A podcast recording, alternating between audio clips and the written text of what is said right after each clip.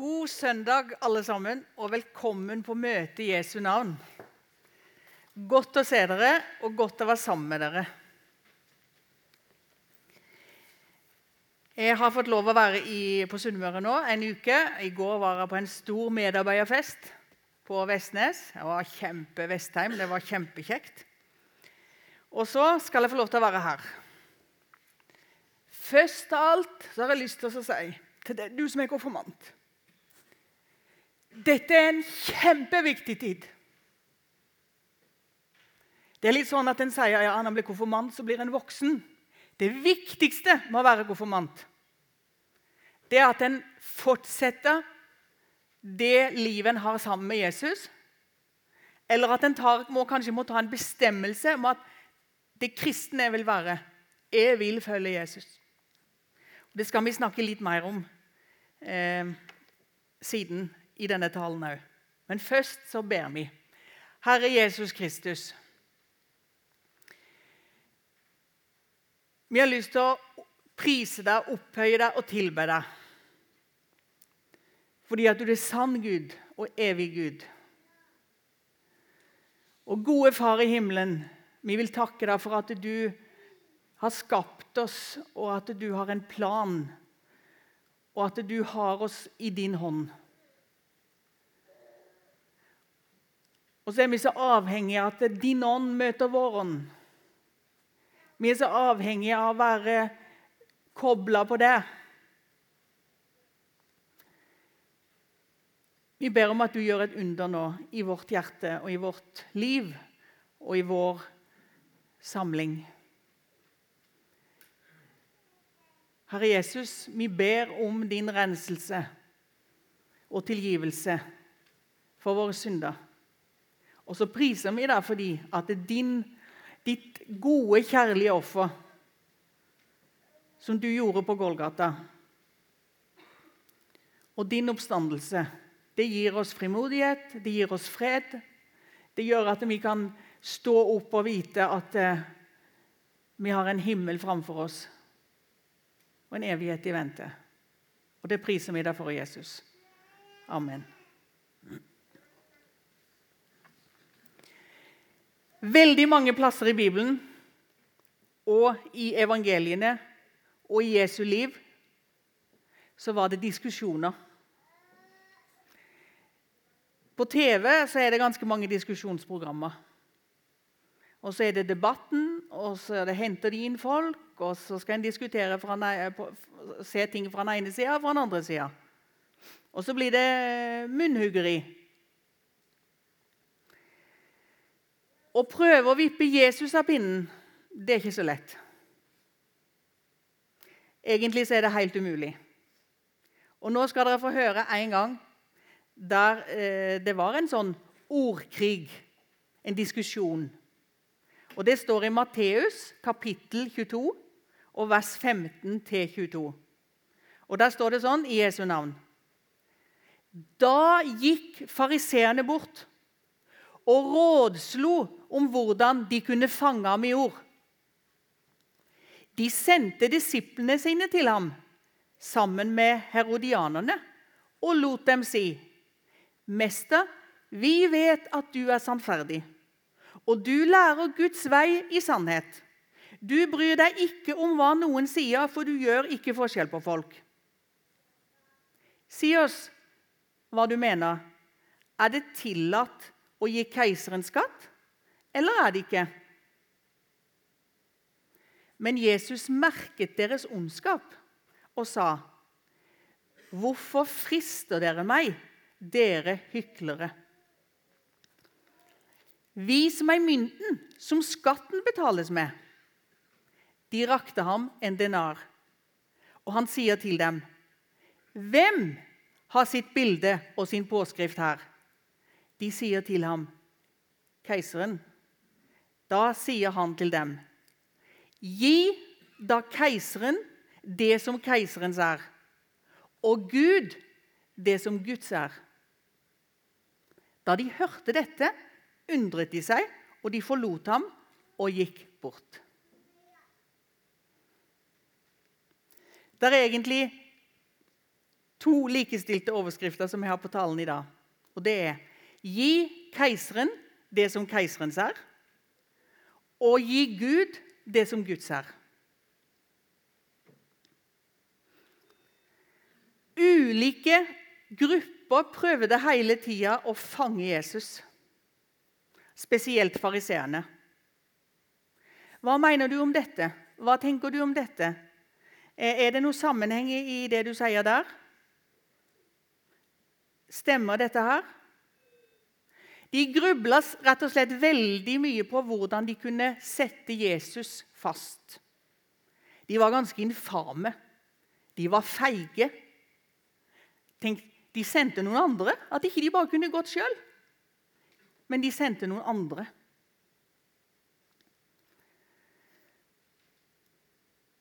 Og så sendte de noen av, fra sin gruppe, da, fariseerne, så sendte de de sammen med noen som blir kalt herodianerne.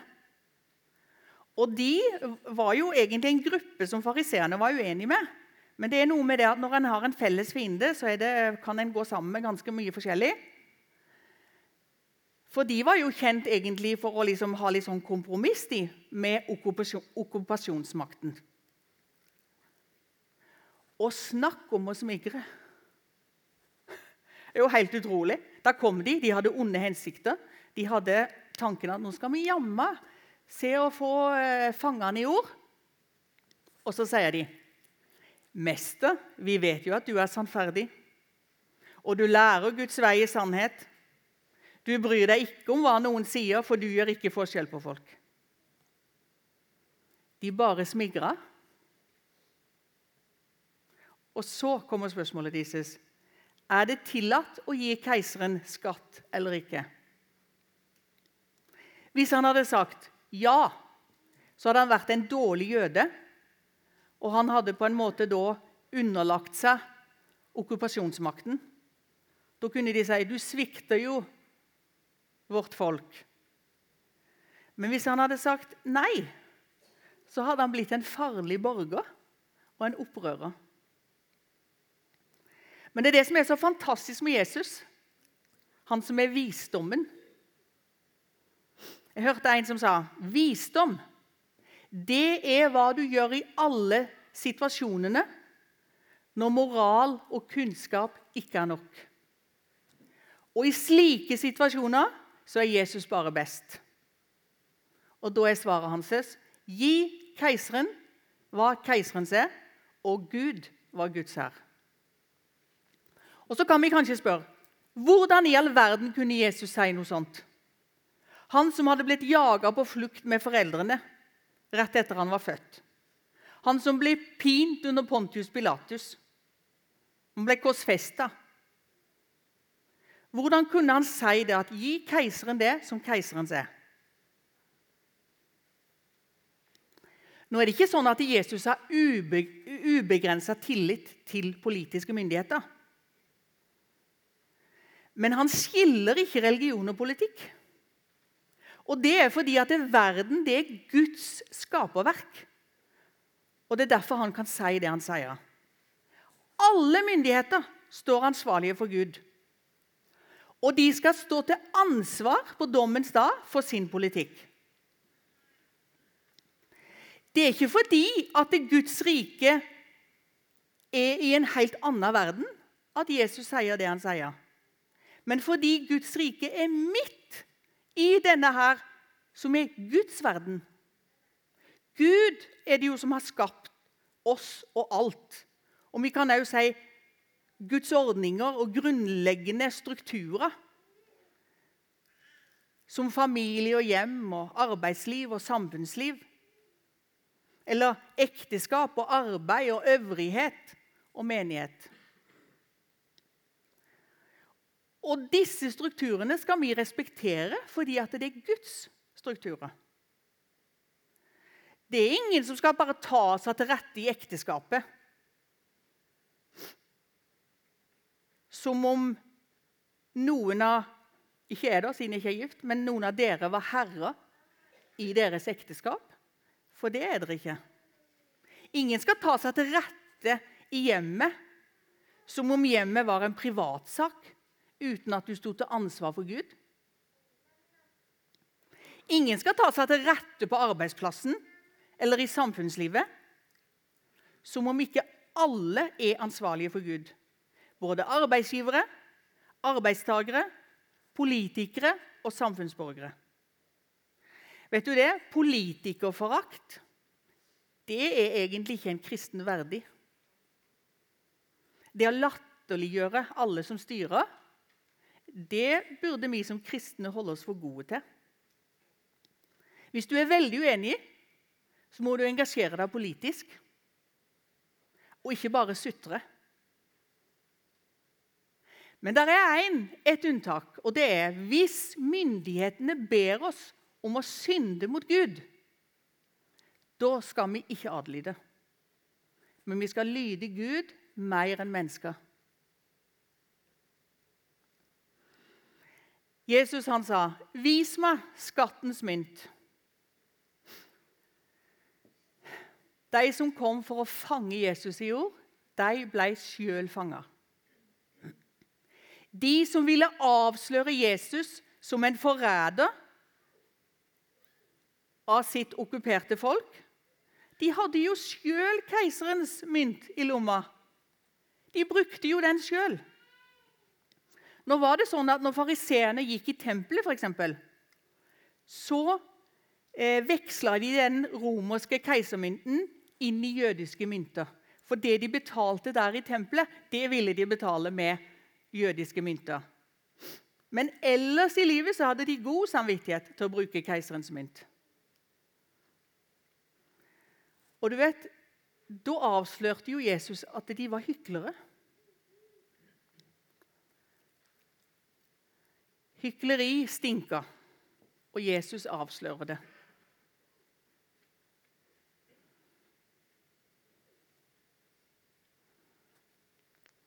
Jesus er ikke en gjest i verden.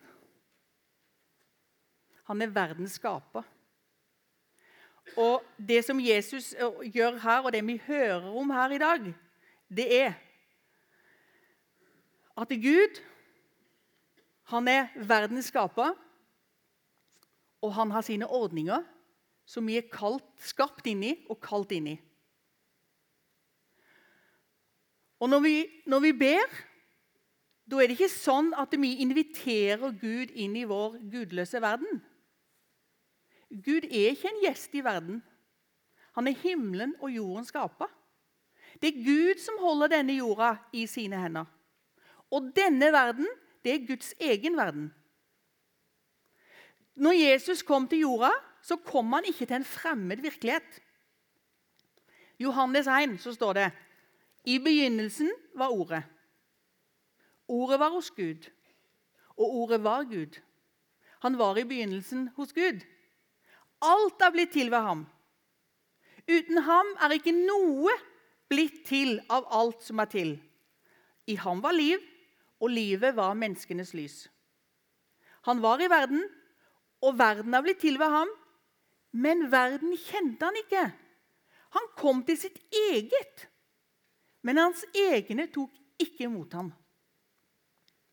Alle som tok imot ham, dem gav ham rett til å bli Guds barn, de som tror på hans navn. Problemet er ikke at verden er gudsforlatt, men at verden ikke kjenner sin skaper. Gud har ikke slutta å styre verden og gi menneskene liv. Men Guds verdensstyre det blir forstyrra av at mennesket har vendt Gud ryggen. Gi Gud det som Gud er, sier Jesus i tillegg til dette her. Gi keiseren det som keiseren er. Han kom til sitt eget, men hans egne tok ikke imot ham. Gud sitt største ønske det er å bli trodd. Der er en som heter Eidesvik, som bor på Bømlo. Og De driver med store båter. Jeg var hjemme en gang hos de, og da fortalte han at da han var 15 år, så skulle han ut på fiske første gang. Og så hadde han kjæreste, og hun trodde på Jesus. Og han hadde ei mor, og hun trodde på Jesus. Men han, han holdt Jesus på avstand. Han trodde egentlig ikke på han. Ville ikke liksom ha noe med han å gjøre.